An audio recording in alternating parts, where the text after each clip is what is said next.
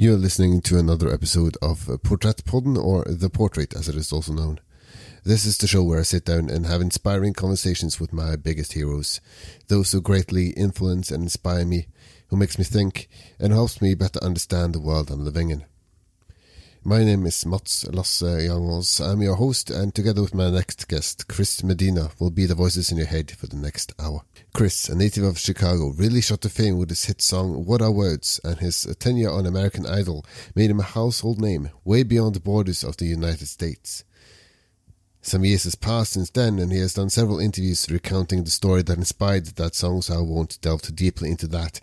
But I'm very glad that Chris chose to join me today to talk life, living in Norway, his love of music, mental health, and much more. If you enjoy this episode, please make sure to share it with your friends, and you can also support the work that goes into each and every episode of this show by becoming a patron on Patreon. Every little helps and will be greatly appreciated. Without any ado being furthered, here is Chris Medina.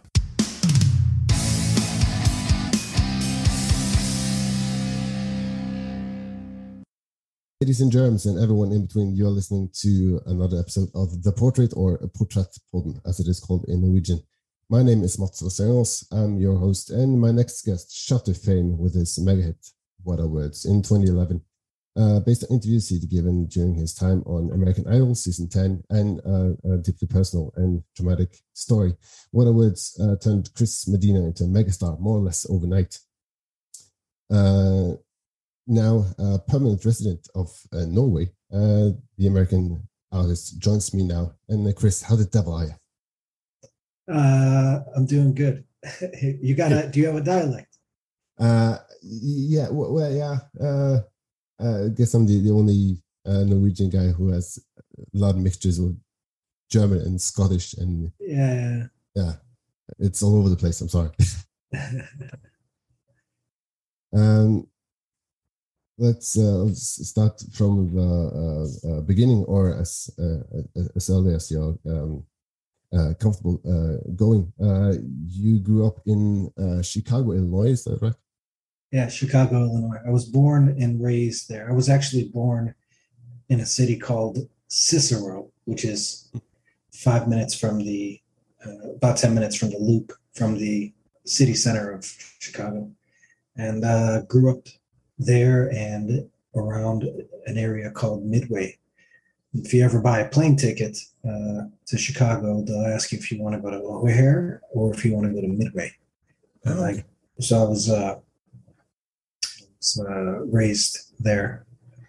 Uh, so yeah, very much a Chicago Chicagoan. Hmm.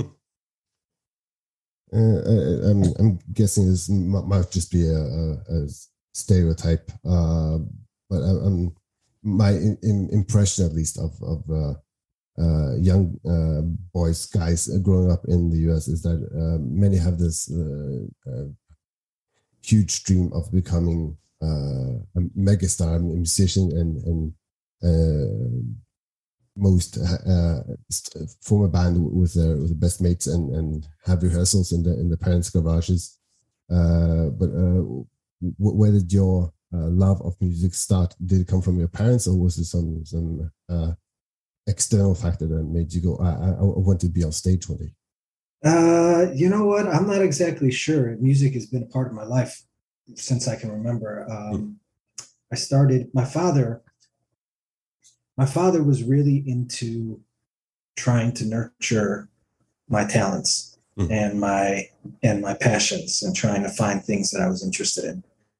And so throughout my young, you know, being a child, anytime I showed any interest in any little thing or showed that I might have I might be good at something, my father was like, uh, really there to, to support it. And so, for example, if uh, he caught me throwing a ball and it looked like I was able to throw this ball well, he would buy me uh, a mitt and a baseball bat and a glove and uh, you know uh, try to get me to to see if I was if that was something that I'd be good at, uh, you know, something that I would love. Uh, and he did that with, you know, painting. If I painted on a wall, uh, he wouldn't really get mad. He'd buy me a painting set and pencils and things like that, and say, "All right, let's let's see if this is something you would like." And um, uh, he says this is his story because I really don't remember it too well, to be honest with you. But he says that uh, there was a time where him and I were watching the movie Big with Tom Hanks, a young Tom Hanks. Uh, you've ever seen that movie? Yeah. Fantastic, fantastic movie. And there's a scene in the movie where uh, him and this other actor uh, play heart and soul on a stepping piano, piano that you step on. And it's a mm-hmm. famous scene where they're playing it with their feet. And uh, I thought it was brilliant. And he said that uh, about, you know, a day later, he caught me in my room playing on a little toy uh, flute, you know. Okay. Yeah. And uh, I was four years old, five years old, something like that. And he he was like, "Wow, you know, he did that by ear. You know, he he he learned the song on a toy flute by ear." And so he took me to a music school. And at first, they were kind of like, "Well, he's a bit too young to to start the program." because he doesn't even know how to read and he has to he has to read music. And my father was really adamant about it you know like i said he was really pushing for it. And so they did like this test uh, run i guess like a trial period. And uh, they accepted me into this uh, program and i learned how to play the accordion it was the first instrument that i learned how to play. And then i moved on to the piano and then um, uh, I think it was grade school. I met a friend of mine who was really into rock music. And uh, up until that point, I was just listening to whatever my family was listening to on the radio. And uh, he was really into rock music. And so he brought over some cassette tapes. That's how old yeah. I am. Okay. And uh, we had our little boom box and uh, we put on the uh, Nirvana. Uh, oh, yeah Nevermind. And it blew my mind and changed my whole world. And after that, I was like, I want to be in a rock band. And so my whole being was to try to form a band, learn how to play the guitar, and be in a band. And uh, I never thought about singing until you're with your mates, and none of them are really good at their instruments, including me. And they all say, Who the hell is going to sing? And so I was like, all right, cool, I'll, I'll sing. And I took a shot at it and developed it over time. And yeah, so I think the first time we had, uh, I had joined uh, a group with friends is when I really enjoyed that experience, is when I really was like, oh, if I could just do this, hang out with my mates, uh, you know, at their house, practicing music all the time, preparing for a gig, playing the gig, meeting all the pretty girls and fans and things like that. And uh, this would be this would be the best life gig ever. And so it was kind of a it's always music's always been a passion, but the, the desire to make it like my life started when uh, I joined a, a group like right before high school. So I was maybe 12 or 13 when I started playing with other people. And uh, it's exactly how you said, you know, we, we go and practice in our friend's um, mother's basement or, or garage. And, you know, she'd cook for us and we just would, you know, she was our biggest supporters and we'd, we'd have our gigs at coffee houses and it was such a great scene. And so I just loved the experience because I grew up in such a fantastic scene of uh, kids, you know, teenagers just all going to these coffee houses, packing the place sweaty, filled with uh, angst and excitement and hormones, and just playing in front of effortlessly in front of hundreds of people all the time. And it was uh, it was an adrenaline rush, and it's incredibly addictive. And that's something that I, I knew I wanted to do for forever. So it's almost funny imagining a young Chris Medina performing in coffee shops for next to nothing, considering what he has become today but I guess it shouldn't be all too surprising. I mean, we all start off with humble beginnings, and it's uh, grit and determination, uh, uh, a, a, a, passion. and a will to succeed that leads us to achieve our loftiest goals. To that point, it is clear to see that that humbleness hasn't left him after reaching stardom. Still, to be a fly in the wall on those first performances, man, that would be fun.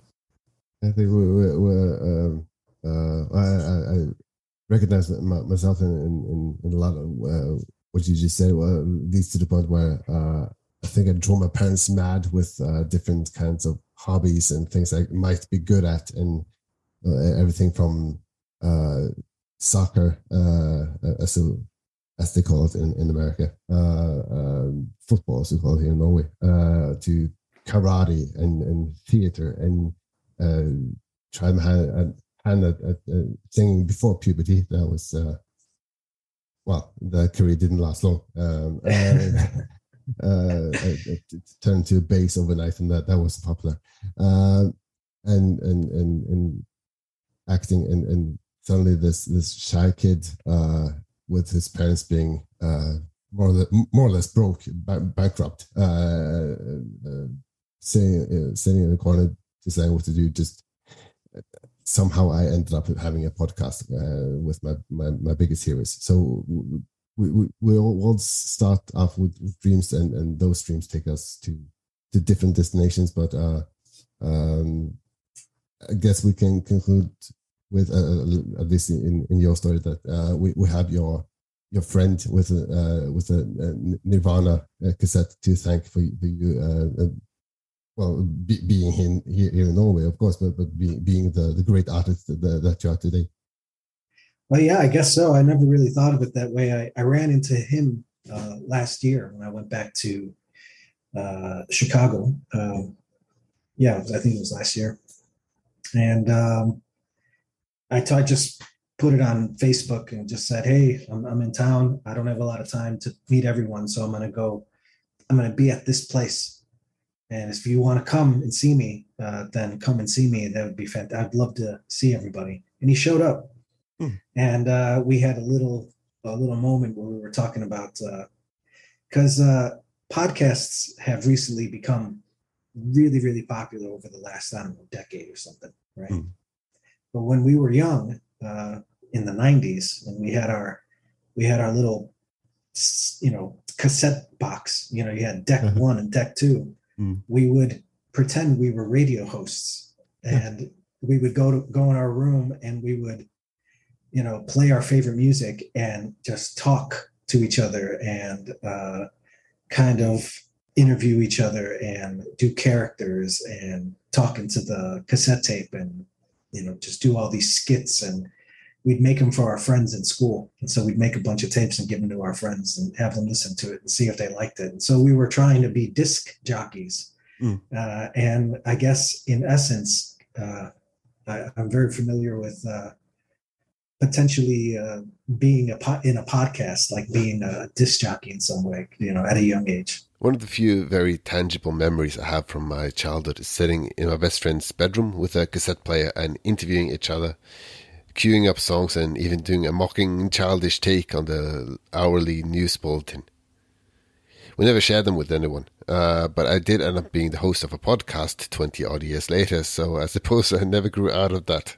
But yeah, he opened up that whole door for me. I mean, after that, it was Nirvana, Pearl Jam, Stone Temple Pilots, Green Day. It was uh, um, just that whole grunge era. And then it, that kind of led us me listening to stuff back in time.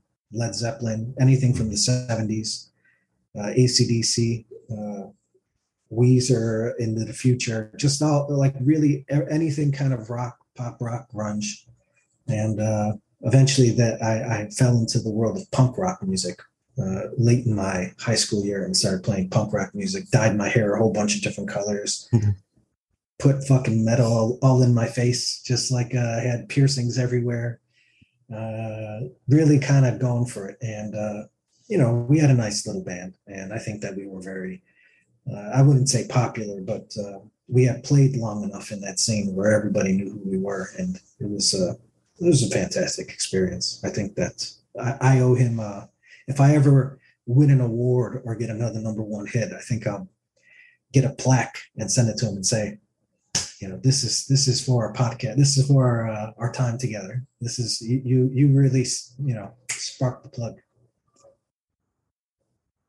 That uh, um, um, playing at being uh, a disc jockey when, when you when you're a kid and and and, and uh, making up characters and and, and uh, interviewing each other that does that in a uh, metaphorical uh, in a, in a broader sense that does that make you uh, somehow prepared for the the the, the uh, enormous media attention you've you've gotten over the last couple of years?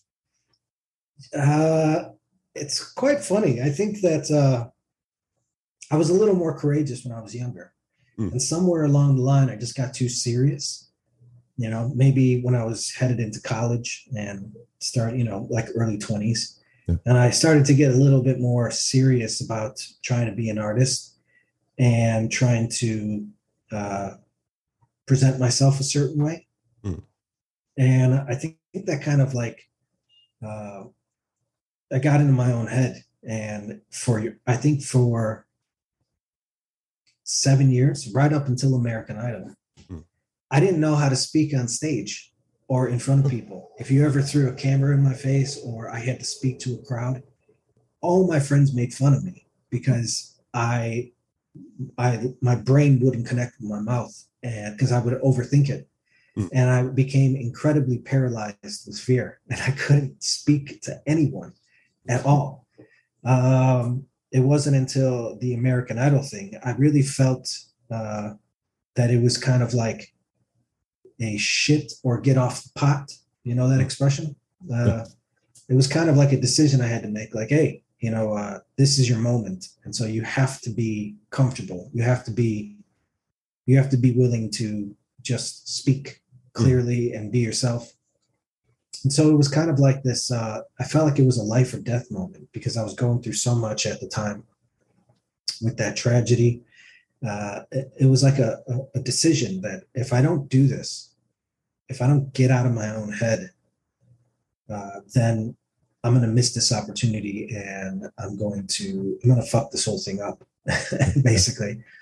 And so, uh, yeah, it was like I was sitting there in this waiting room, just uh, really, really kind of trying to meditate on it and trying to like get myself ready for it. And in comes a camera and right in front of my face. And it was like from that moment on, I've been okay with speaking uh, mm. in any situation. So uh, I, I, really feel like it was a fucking miracle, but um, but uh, it wasn't always so. So there was a period where you know if you had talked to me during that period, he would have been like, "This guy's obviously nervous. Like he has no idea what to say." So uh, now it's it's fine. It's okay. You are listening to The Portrait. I'm your host, Mats Lasseangos.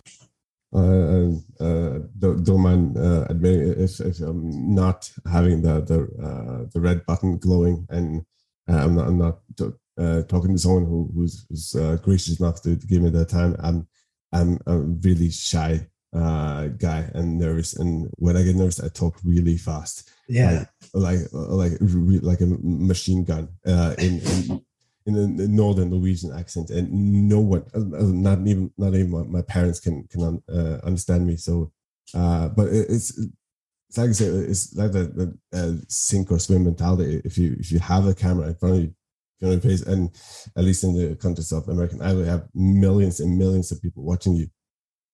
You just you, well, you you kind of have to. Uh, yeah. Whether you like it or not, right? Yeah, you just kind of have to shit or get off the pot. That's what it is. It's really kind of like, uh, you know, people will know if you're not authentic and people will see if you're nervous. It happens all the hmm. time. I mean, if you look at some of my first performances on TV uh, and then uh, some of my first performances uh, in, you know, right after What Are Words, like The VG-lista or mm. any TV show uh, during that time, that period I was incredibly nervous, and you can see it. You can actually see mm. that I'm not uh, that I'm kind of not loose. I'm very tight, and uh, even even with the singing, you know, like you you always sing better when you're confident and when you're mm. um, when you're not in your own head. And uh, and so even the you know if you compare a performance now to a performance then, you will hear that I've been doing it for long enough now that I'm comfortable. So well, I should have been comfortable a long time ago, but uh, way before What Are Words because I've been doing it all my life. Yeah. But but like you said at the beginning, it really was overnight. Uh, Mm. I was playing in front of hundred people, maybe two hundred people in Chicago. All of a sudden, fly across the world, and I'm playing in front of hundred thousand people Mm. on national television in front of millions of people.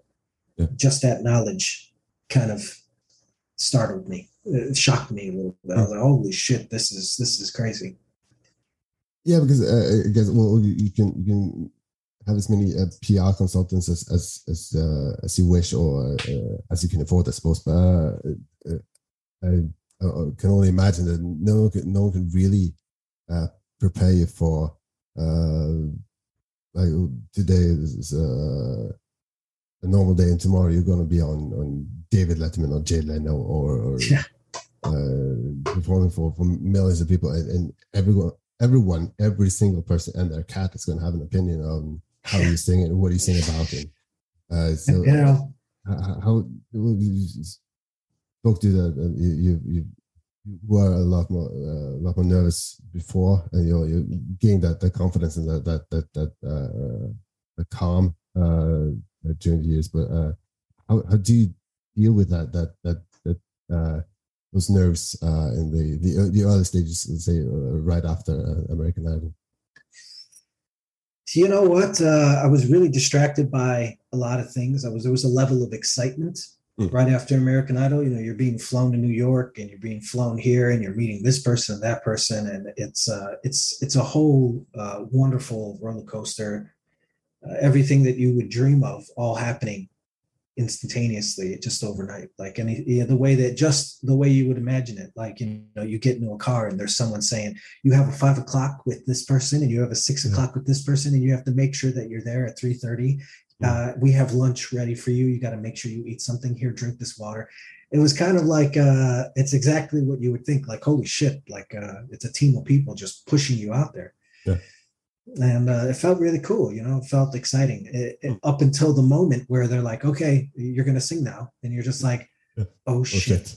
and uh, you know, funny story. Uh, maybe I should answer the question first. The way that I've learned how to deal with uh, being nervous um, is to be prepared. Mm. Is to be one hundred percent prepared uh, uh, on my end. You know what I mean? I can't control if hundred people show up, if zero people show up, if a million people show up, Mm. and uh, I can't prepare if everyone in the audience is going to like me or if nobody does. I can't control any of that. But what I can control is knowing the lyrics inside and out, singing it so many times that it's just like I could sing it in a the loudest environment uh, without even hearing myself, Mm. um, and just feeling confident in what I'm doing, no matter what the situation then I only have to focus on one thing, and that's just being nervous. Hmm.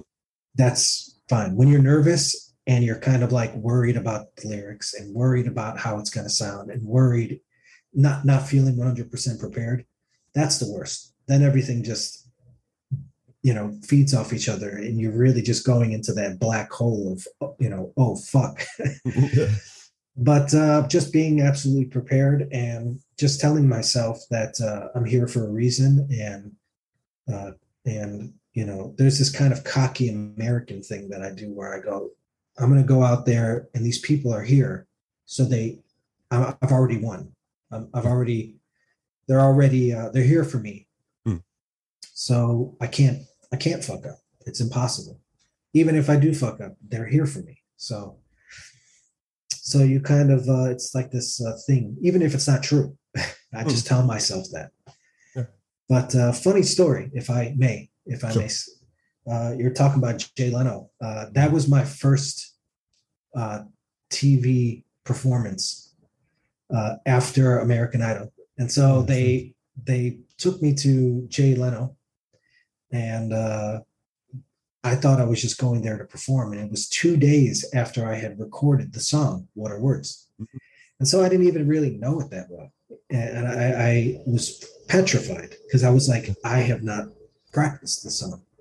I just recorded it. Uh, and you want me to perform it two days later. I'm like, this is insane. I feel like I'm cramming for a test. I'm, I'm nervous. That's the only thing I can think about. I can't eat. I can't sleep. I'm terrified. And so um, I go there, and to make things worse, they tell me uh, you're going to be the first artist uh, on Jay Leno's show that has ever been interviewed first and then is going to go and perform. No pressure. Uh, so I was like, holy shit, I'm also going to be interviewed, you know? Mm. And so I have to talk, like really talk. Yeah. so, and so I was like, oh man, this is going to be scary. And we went through the rehearsals and the band was great. And they were telling me like, uh, I was trying to tell them, hey guys, I don't really know the words to this. And he goes, don't worry, mm. we're going to have it on cue cards. So okay. just in case you you you are worried about the words, we'll have the cue cards right under the camera. Mm. So so you just go ahead and take a look at it if you need it. I was like, oh, that put that makes me feel better. So I did the interview. I go and it's time for me to perform. In the first verse, I got it. You know, anywhere you are, got that whole thing. I felt like, all right, great. And I'm finishing up the first hook, the first refrain, and my brain goes blank. And I'm like, oh shit, what do I do?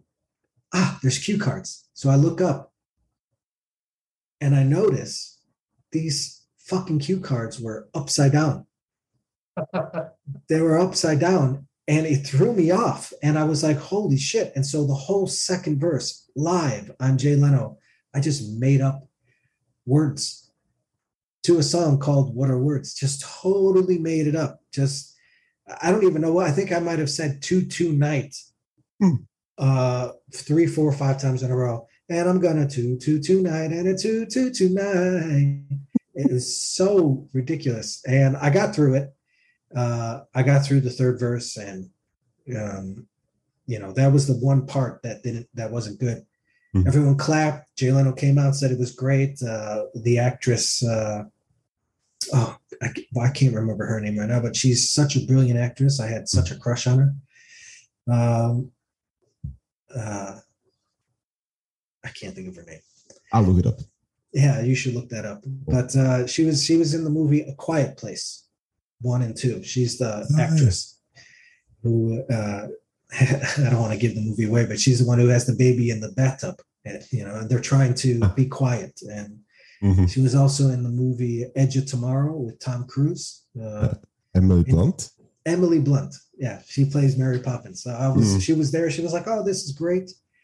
And I was like, is there any way that, you know, I, I totally fucked up the second verse? And the guy goes, don't worry, we recorded the rehearsals. So mm. we, we could probably punch in that. We'll, we'll let them know.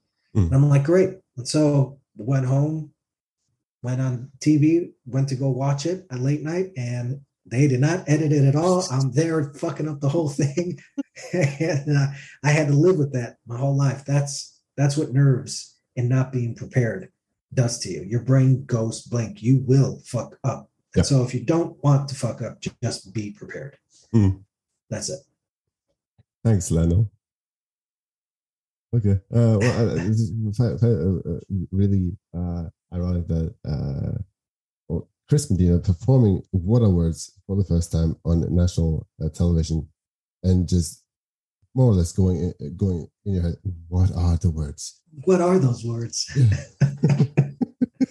oh, I, I don't envy you. Uh, no, no, you shouldn't. I, I, would never wish that upon my worst enemy. That was no. a frightful experience. Uh, petrified. It's it's it's a it's a nightmare. You know, it's probably up there with, you know, you have to give a presentation and then you realize you're naked. It's like mm-hmm. a, that's one of those things that people talk about. So, yeah, yeah everything. I, I, I much would have rathered uh, a light fixture falling off and crashing into my head, I, I would have been much more happy with that than having to go through that performance again. At least that would be quick, if nothing else. Uh, well, uh, uh speaking of, of, of nerves and and uh, desperately uh, uh, frightened of fucking it up, I think I can speak for, for most people, at least most people I, I know. When when we're on, let's say karaoke night, there's always someone, always the same person uh, uh, uh, comes with, comes up with, with a clever idea. Let, let's sing what, what are words? That's a great song. Everyone knows the lyrics. Cool and we start off, everything's great, and we're really, really cocky. Oh, okay, we can do this. And then we get to the chorus, and we realize we have no idea how to sing a falsetto, and yeah. we fuck it up, and we try to cover it up, and it only makes it worse. So, um, uh, I, have oh, oh, I've thought this every, every single time I, I sing these songs. I might as well ask you since, since I have you here. Uh, how do you sing that high? I have no clue, to be honest with you. Hmm. Uh, I think I have to give it give it up to my my childhood because a lot of the bands we tried to copy and listen to were the screamo um, kind of emo punk rock groups that you kind of had to like really sing up there. Mm. And I also have to thank my mom uh, because my mother she worked three jobs, and whenever she came home, she didn't want any noise. She just wanted to go to sleep. She needed yeah. it was like she was always in this perpetual tiredness. And so whenever she came home, it was like we all had to be quiet. But I still wanted to practice. And so I would practice singing as if trying not to wake my mother up. Yeah. And so, you know, if I wanted to sing, you know, don't stop believing, I couldn't sing it loud. That's a loud ass song to sing. Oh, yeah. So don't stop believe it. So I had to learn how to sing my falsetto using it. I developed it trying not to wake my mother up. so that's a, a, funny story as well. But um, when I went into the studio to record that song, uh, Jimmy Iovine, the uh, the head honcho of Interscope, and uh, and uh, Rodney Jerkins, aka Darkchild, yeah. he was there and they presented this song and they showed me uh, the with the demo vocal. Mm. and i was just like i think it's too high. I think it's way too high. And the guy goes no no no i think it'll be great. And i was just like oh, i don't i don't feel comfortable singing that high uh, i don't think i've ever sang that high and jimmy iovine goes i think it'll be great and i was just like fine and so i went into the room I was super excited. I was there uh, in the studio where Michael Jackson recorded his uh, final album. They had platinum records everywhere. It was the first super professional studio I had ever stepped foot in with real producers and real recording engineer, just top notch stuff. I was over the moon, just super happy to be there. And I start singing the song. And Rodney is not impressed. He's just like, you know, he's saying, give it another shot. And then, you know, it's making me nervous, but uh, I'm still super excited. and I can see that he's talking with his partner, his co producer. And he's shaking his head and he's kind of like leaning back, you know, thinking about it. And I'm like, oh my God, what's going on here? You know, I, I think I'm doing good. Yeah. Uh, and uh, he he goes, uh, just hang on a minute. And he comes in there and he goes, How you feeling? And I go, I feel great. He goes, You look happy. You look excited. I said, Yeah, I'm incredibly excited. And he goes, uh, That's great. He goes, I don't think you get it. And I'm like, What do you mean? And he goes, I don't think you get it. He goes, uh, This song is about a girl that's been in a horrible accident and you're trying to tell her and everyone who's ever been in a tragedy and who's ever been alone or scared or nervous that they're going to be alone you're trying to tell these people and her that you're you're not you're never going to leave them that you're never going to abandon them and you're smiling mm-hmm. you're smiling and I, and I, I was just like the wind was knocked completely out of me. I was incredibly embarrassed. Uh, I felt like such an amateur. I felt so bad.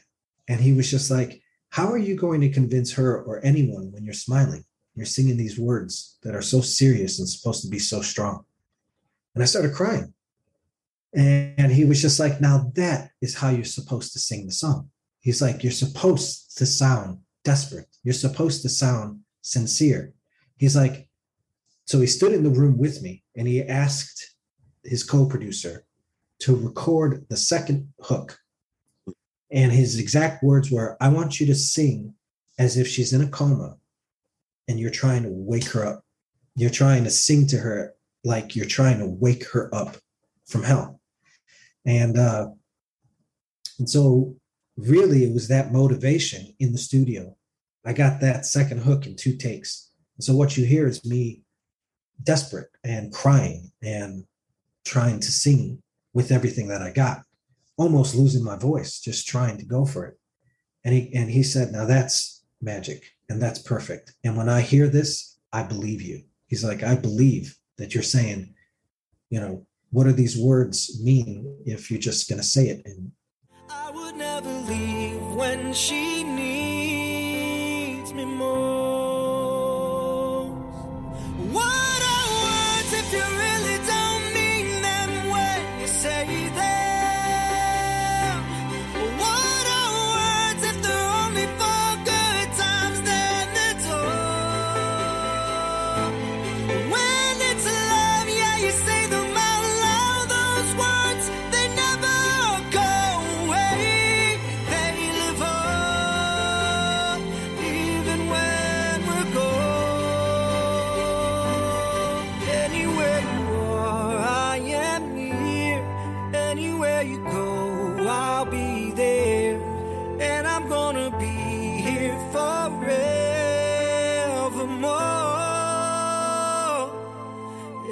single promise I'll keep.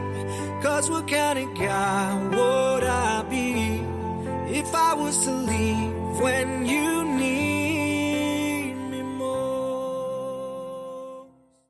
the the reason why I'm able to sing that song, I think the way that I'm able to sing it is because I'm able to kind of tap into that and go, these words mean something to me. You know, it is a great drunk karaoke song. And it, it makes for a very funny situation because it is incredibly difficult. But if you could put yourself on stage and make it a life or death moment and, and really have to give it everything you have, it becomes you get that extra energy to go there. Uh, like when I sang at the funeral in Utoya, that was the same energy that I had to have because this was a life or death. This was a horrible moment in Norwegian history, and I'm singing at a funeral with the prime minister there and his family, and I'm trying to give it everything I have, and that was able. I was able to do that. So, but I do lower the key sometimes when I'm on tour and I have to sing that song every fucking day. I go, okay, let's drop it down a whole step so I don't blow out my voice on the first show because uh, it is one of those songs. Yeah. Hello.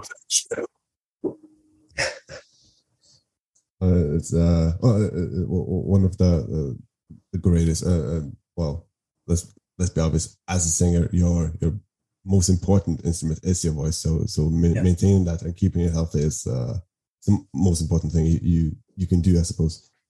Uh, but um, uh, you, you touched on it uh, obviously, and you've been uh, asked about that story many, many, many times. Uh, Yeah.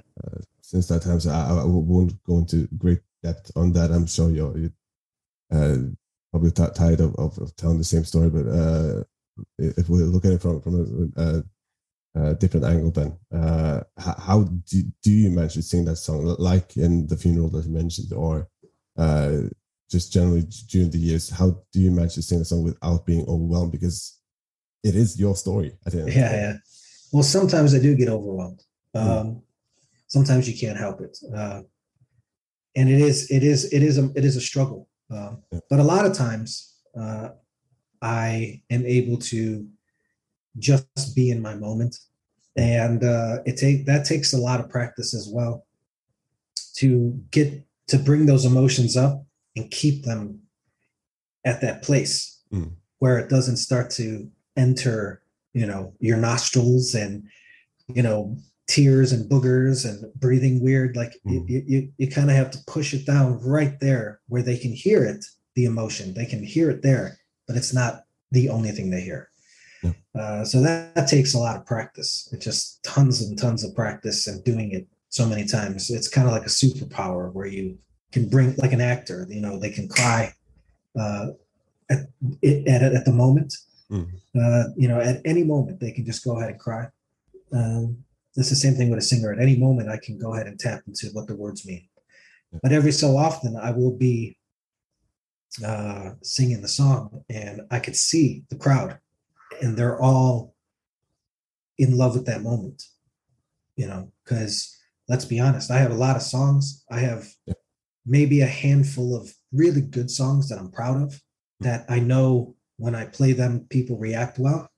But there really is only one song that people have attached themselves to and attached me to you know? And um uh, i guess it's like that with a lot of you know um, groups. But if they're really into it and i could see that they're all into it sometimes the way they feel is enough to spill it over and i ha- I, I break down. Sometimes i actually do break down and cry. And it's very rare. It's happened a handful of times but uh, i usually just apologize and people are pretty understanding about it and uh, they i think it makes the moment better for them and but um but yeah that song means more now than it did you know 10 years ago you know? It, it means more now uh, now that i'm a father now that i've you know juliana and i have broken up. Uh, you know we've i've started a, a whole new life in a whole new situation. And you would think that because of that because of that great distance that her and i would lose contact with each other and she would be alone.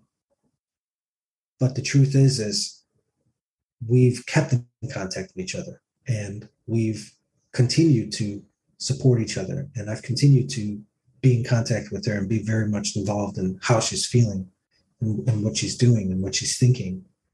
And i still we still feel very much connected to each other after these 10 years which makes me believe that even an ocean and a new family couldn't break us apart. You know we aren't getting married. We aren't together sure.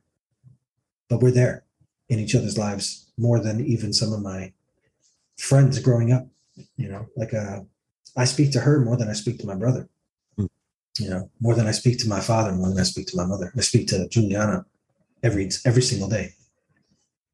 Sometimes it's annoying but, but it's very very very much there.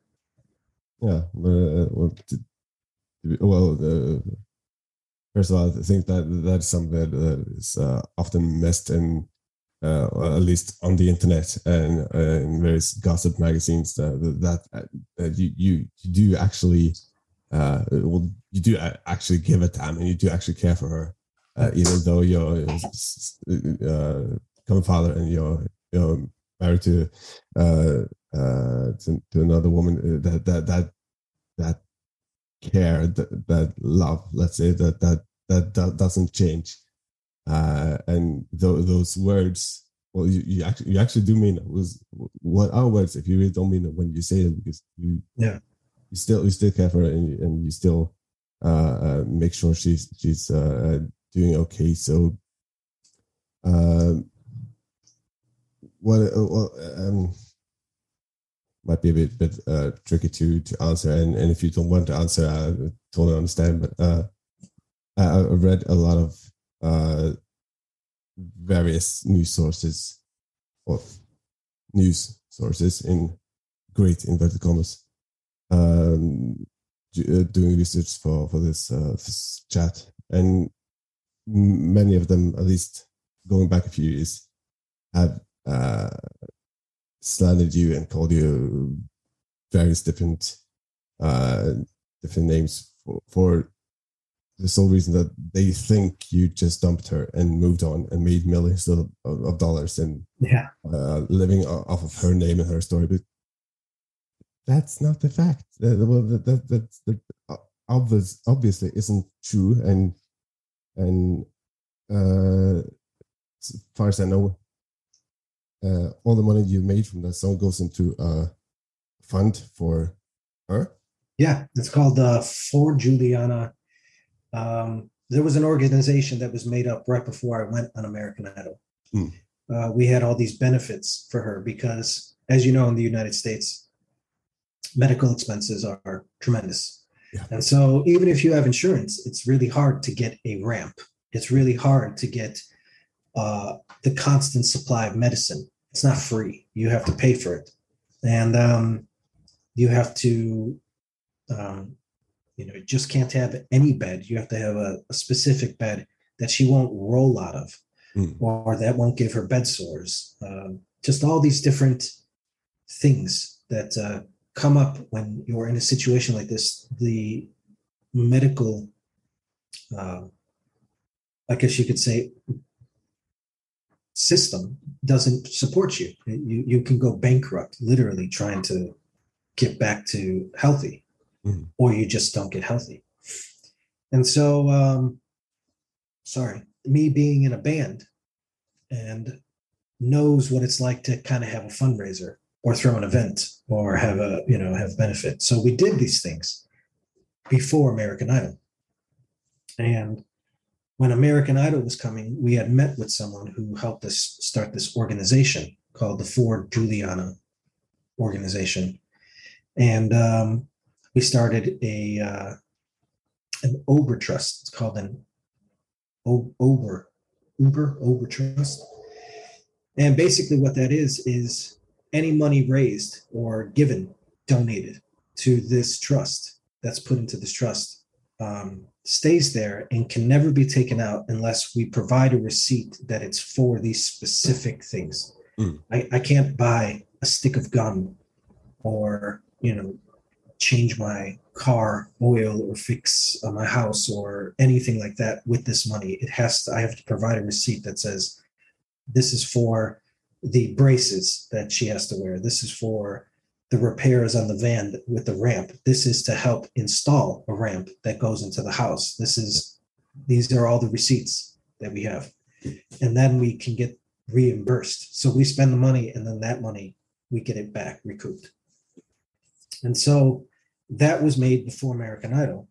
And as fate would have it, uh, when I was kicked off of American Idol, which a lot of people think I won that show, I didn't. I was kicked off. Um, there was still a month or two left on the show. Uh, and so when they approached me to record this song, they said the only way we can do this is if we do it for like a good cause Mm. or it's like a, a like a charity kind of thing because you're not allowed to release music while the show is still going on. Yeah. and I, I said ha i have a trust for juliana and you know we could do it for that. Like the proceeds can go to that. And they said perfect. And so you know it was it was the only thing that i was going to give my percentage anyway but i had no idea that universal lauren christy andre lindal who is norwegian and rodney jerkins would donate their percentage as well and so nobody makes money off of that song uh, except for Juliana. So for the last 10 years, especially in the beginning, when that song went platinum and went on the billboard and went worldwide, every single 90% went to that trust. And so she's been able to live off of that. And uh, all the expenses that would be a problem aren't a problem because of that song. And so technically she lives off of that song and, and she, you know, her story supports herself.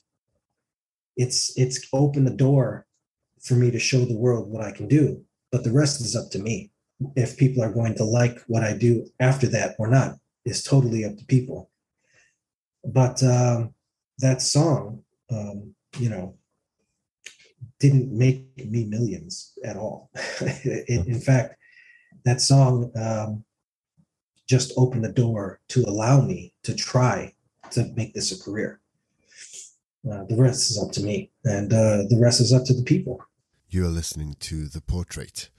I'm your host, Mats Lasseangos. There's a lot of people that don't really understand the dynamic of our relationship. You know, um, up until a few years ago, I've never been comfortable giving details about a lot of the reasons why I decided to leave because I figured it's really nobody's business. People leave relationships anyway, all the time, mm-hmm. for dumb reasons. You know, mm-hmm. um, you know, completely healthy people just acting like assholes. They yeah. they separate from each other. But in this situation, I was her caregiver. You know, I did everything for her, and I didn't realize the psychological damage that that would cause being somebody's caretaker.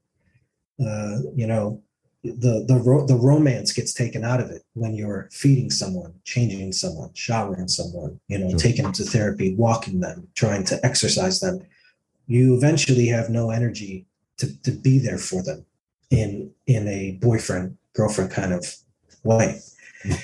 So that was damaged uh, another thing that was damaged, which I've always protected Juliana from, is she wasn't really able to pass a test that would allow her to get married or have kids. She's she has she had to pass a cognitive test that would allow her to make a decision so big. Um, so I can't have children with her uh, or get married to her. It's illegal. Yeah. And uh, if if I were to do something like that, I would just have to be, I would go to jail because she can't make that decision on her own. Yeah. It's like taking advantage of somebody who isn't 100% there. And so uh, that was a reason um, that I only up until recently feel comfortable expressing now. But during that time, I felt so guilty about the situation she was in. I didn't want to put her in a bad light. I didn't want to make it seem like she wasn't, because then more questions come. Hmm. Does she know who you are? Does she know that where she is? Can she type? Can she communicate with you? All these things start to get asked. And it becomes uh, a thing that I just want to avoid. So I decided to avoid it completely. And uh, so the answer is yes to all those things. She does know who she is. She can type. She does communicate. But she, you know, you can't really leave things up to her. You know, you can't trust her with a knife. You can't trust her with her own medicine. She can't just take it and be responsible for it. Um, she can't be responsible for walking down the stairs. She can't be responsible for taking care of a kid or being in charge of herself. She just can't. And so those things uh, wouldn't allow me to be anything more than just a caretaker. And so over the years, over those six years that I stayed with her after her accident, um, it was a very slow um, deterioration. And her family actually had to put me aside, like a like when you confront somebody who's a drug addict or something, an intervention. They had to sit down with me and say, "Enough's enough you have to go live your life. And so I did. And it was a hard thing. I had to talk to uh, people to, to help me go through it because it was like this form of survival's guilt. And it didn't help that people were giving me so much shit about it because they really just, you know, they really just wanted that magic, that fantasy to be so pure and so real. But there's so much more that comes with it. And, uh, you know, I uh, I definitely had to uh, go through a lot to survive that moment in my life. That just uh, goes to show that we're, we're, we're quick to to uh, uh, judge and make, make, our own assumptions about uh, people and the lives they lead. People that we uh, we don't know. We just have I don't know, heard that song on the radio or seen them on, on, on TV. We don't know what, what, what actually goes on uh, um, behind closed doors. Um, yeah. uh, we uh, I've already run out, uh, run out of my my time here, but uh, um, uh, I want to do uh, close on uh, looking further into the in, into the future because now, now you you are um, uh, uh, permanent Norwegian resident. You're not a Norwegian citizen, am I right? Not a Norwegian citizen. I'm actually thinking about uh, applying for dual citizenship. Um, Okay. It's something I, I realize now that I'll never live in the United States for as long as my daughter is living here. So, Hmm. you know, which means it, it almost doesn't even make sense to try to, after she's 18 years old, to pack up my stuff and go and start another life in the United States. I've already planted my roots. I've already created things here and learned how to live here and, and I'm starting to, you know, I've planted the seed and now I'm watering it and it's growing. And so I think that uh, I'll live here for the rest of my days. Uh, so yes, I am also taking Norwegian classes to try to help with with the cause. know. Yeah. How is that going? Because, uh, I've, been told from uh, some of my uh, American friends that Norwegian is a really difficult language to learn. Holy shit, it's a hard language to learn. Yeah. it's a hard, hard language to learn. It sounds shocking when somebody starts to speak to you in your Norwegian. You're just like, uh, uh, uh, uh, uh, uh, bra, uh, you know, like you really don't know what the fuck to say, even when you, even though you've practiced it. Somebody will say something like, uh, helg, and I'll be like, yeah, uh, uh, moda eligi, uh, uh, uh, just totally backwards, not know what to say. Uh, I- I feel like everything I say is almost in the form of a question. God helg, uh, i like måte. Mhm. It's like, yeah, yeah, bro. Oh, okay, great. See you later. Just so, smile and nod your head. no, just trying my best uh, to, to to do it slow. I take tutoring classes, and you know, my goal is to learn the language so that uh, all the TV shows that have asked me to participate Mm. uh, on their program can actually have me on their program because it's kind of a deal breaker not to speak Norwegian and to go on a TV program like uh, 71 Degrees North or Farmen Kjendis or Yeah. Valgang Vi There's just no way to Mm. that, you know, you would think that it would be okay, but it's it's it's probably more of a, a difficult thing. Can you imagine a whole season of Valgang Vi Måttes in English? So uh I, I'd watch that. yeah, I'm sure, but it's uh you know, how how Yeah. arrogant does the American think he is? He's gonna go there and just change the whole format of the show. So I, I understand it and I'd like to be on those programs. I think it would help me out and Mm. give me a whole bunch of opportunities, but uh I have to learn that fucking language. It's it's it's hard. It's hard. Well, uh, to, to flip the coin, uh, I suppose it won't, won't make it any easier that uh, us Norwegians are arrogant enough to expect you to learn Norwegian, but we constantly speak English to you, so you don't really have the, the need. Opportunity. Yeah. Yeah. Uh, so uh, we're, we're not making it uh, any easier for you, I suppose. No, no, I guess not. And I get I get upset sometimes when I when I start to fail at the language. Mm. I think to myself, "Come on, why do I have to learn this fucking language? You're, you you can't speak it anywhere else in the world. It's not like I'm going to go to Spain and speak Norwegian.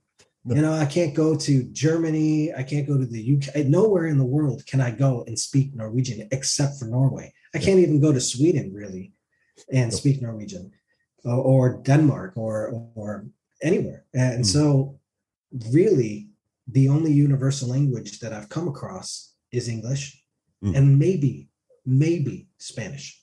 Yeah. Uh, but it's uh, you know everywhere in the world when you when you fail at communication, you can always rely on some form of English, Mm. simple English, and so it makes me uh, I get upset at myself. Uh, I go through my own struggle when when I go when I start to fail and I start to say something. They're like, I don't understand what you're saying. I'm like, oh, like bullet, Yeah.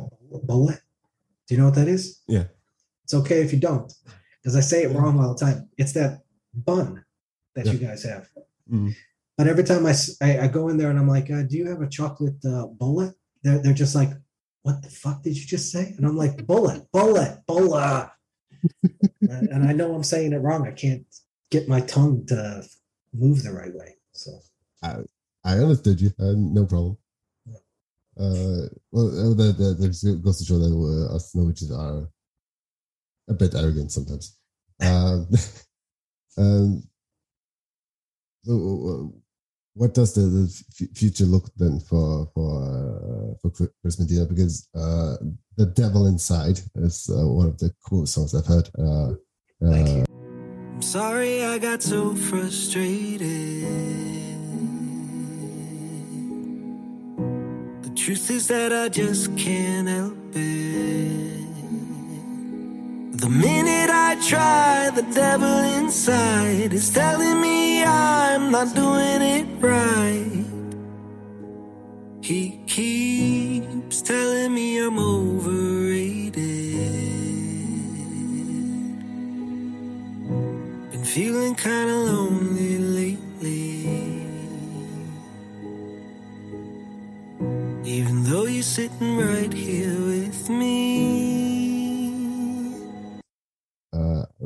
I suppose I could say for another 50 minutes and, and give my take on what the song is about. But uh, now that I have you here, I might as well ask you, uh, um, where, not necessarily what uh, what is the song about, because that that I suppose I could leave it up to to each individual uh, listener to to figure out. But uh, where did that song come from? Or where's where's Chris Medina as the songwriter?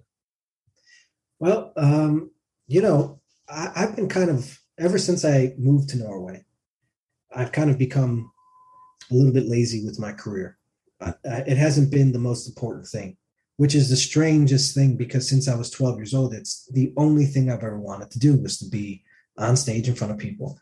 Now at 30, I guess when I had when I found out that Mila was gonna when I was gonna be a father when I moved to Norway, I was 33 at the time. Hmm. Uh, and so from 30, age 33 or so until now, up until this year, I've kind of just focused on trying to survive the transition because hmm. I really did not like the idea that I was going to move to Norway no. and give up all the things that I was trying to accomplish. Because uh, I had kind of created a foundation in Chicago and in Los Angeles, all the mm. connections, all the networking, everything, just really trying to continue the process. Uh, and I was making some ground. I was doing well. Um, and so the thought of moving to a country where um, it's actually quite hard to make it here um, and to give up all those connections, it made me feel like I was starting from scratch. And that whole feeling just kind of deflated me and I just became incredibly lazy. Uh, you know, just doing the bare minimum. You know, here's a song, here's another one. Every year, here's one more if you're interested. There's another one, and not really giving it my all, and uh, even doing songs that aren't necessarily me, doing things that aren't really me, just to survive, like MGP. MGP refers to what us Norwegians call Melodi Grand Prix, or the Eurovision Song Contest for our international listeners. Hmm. Uh, I, I just uh, I just was doing anything to kind of keep it going, uh, but uh, not really putting any effort into it, and it depressed the shit out of me. It actually uh, really put me in a dark place. I became a very unhappy and cranky individual, uh, and I started to take it out on uh, my family and friends. Um, I started to be a real shithead and a very unpleasant person to be around for my bandmates here in Norway, for my friends here in Norway, for uh, Celia, uh, my daughter's mother. And uh, this song, The Devil Inside, is literally kind of like after years of going to therapy and things like that, it's an acknowledgement that I am uh, a person who's struggling with some sort of darkness, uh, some sort of like uh, m- mental, um, I guess, sickness in a way, kind of like it, that I call the devil that's inside. Because I could be very, very happy, but then it's this darkness starts to come in and I start to take it out on people. And so it's me saying, you know, I have no idea why you guys are still here uh, supporting me, why you guys love me, why you guys are still my friends, why you still want to be involved in my life. Because I I admit that I'm a hard person these days to be around, you know, and I don't know if I can really help it. And so it's kind of like just a, a song to these people who s- stick by me, even when I'm being a shithead. Uh, and that's what that song really is. It's anybody who's kind of struggling. You know, if you look around, you know, you yourself know that, uh, you know, you're you're kind of you're kind of being a little bit of a Kanye West at the moment, you know.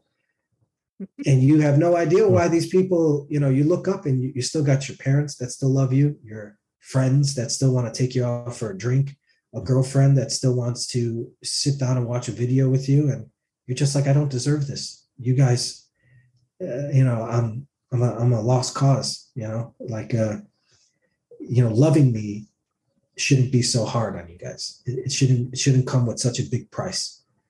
Uh, but I'm very thankful for it, and uh, I, since then I've healed. Mm. Uh, I struggle with it every day still, but I, I've healed. I've learned to accept where I am and love being here, and uh, it's been a hard road. And so this year, and moving on to, into the future, is literally just me trying to make some sort of comeback. Try, you know, I released that song, "The Devil Inside," but nobody's really heard it. It's only been streamed like seventy thousand times. Hmm. And in 2018, I released "Cut Me," and that's been streamed almost 30 million times. And so to go from a song that's, you know, 30, 30 million streams in 2018, and then to fast forward 19, 20, 21, 22, four years later, and to release a song, two songs that haven't even broken 100,000 shows that I've let my career just kind of take take the back you know like not really that i haven't given it the respect that i it, i deserve. Hmm. and so moving forward it's trying to reestablish that and try to show people hey i'm still here. I still got a few i still got a few songs and a few licks left inside uh, and uh, trying to rebuild whatever career i can i can build you know? Um, because that passion never goes away. Uh, and i don't i would be ashamed if i just let it slip through my fingers. So you know that's what that's what the future holds. It's just me trying. You'll you'll probably there'll probably be more songs that are released and probably more songs that nobody will even pay attention to. But eventually i hope that people will start to find this those those songs and start to go ah this guy's still doing it. You know i still like it and uh maybe i can get some new fans you know social media is a very powerful thing so Yeah. Absolutely.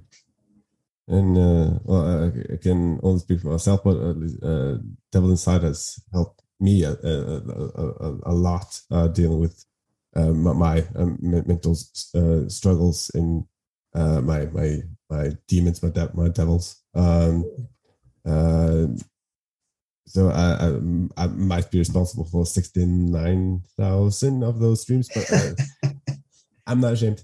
Um, well thank you very much for those streams man i'm telling you Yeah. Um, any royalties? Just send them out. My, my, yeah my yeah way. no kidding all the effort yeah.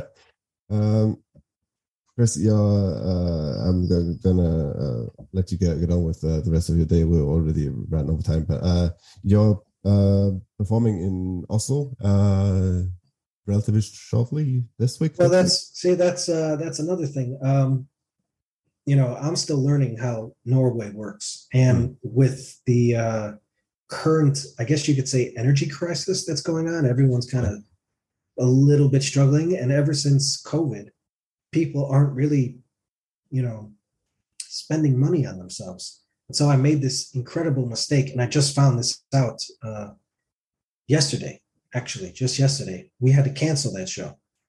Uh, because nobody's everybody i have a show i had i had booked the show november 11th in oslo. And then i booked another show in oslo a month later december 12th or something Hmm. uh, for christmas. And everybody is buying tickets to the christmas show in oslo and so there's already a couple hundred tickets sold probably going to sell a couple more hundred the closer it gets but uh, nobody's buying tickets to the November 11th show. everyone's buying tickets to the December 12th show. Okay. And so uh, I do think people will show up. And so I do think people will go because people are, you know, a little slow with buying money or spending buying tickets. Mm. But I I guess the smart move is to say, save your money, don't come to this show. I could always have another release show and have another performance. Hmm. Uh, if you're going to spend the money, you might as well just continue to, you know, you don't have to spend a thousand plus kroners to see two shows. Might as well just go to the one in Christmas. And uh, I guess it was a little ambitious to try to perform uh, one month apart, you know, not even 28 days apart from each other. So, um, so I, I, we had this nice long conversation with the venue and the guys, and we just said, should we cancel the show, you know, and just focus on Christmas and give the best show that we can on Christmas, and maybe you know in the summer of next year try to play Oslo and and and do it again. Um, and so we said, yeah, that's probably that'll give us more time. You know, you know, before ten years ago, if I said I was having a show in Oslo, it would sell out. Hmm. Now, like I said, when you don't give your career the opportunity to continue to grow, people aren't really looking for you to play a show. They're not. You're not on the the front of their mind anymore, yeah. and so you have to try harder. And so uh, we just thought, eh, let's give let's give myself the best chance possible to sell out a place and uh, book it another time. So we had to cancel it, really, right?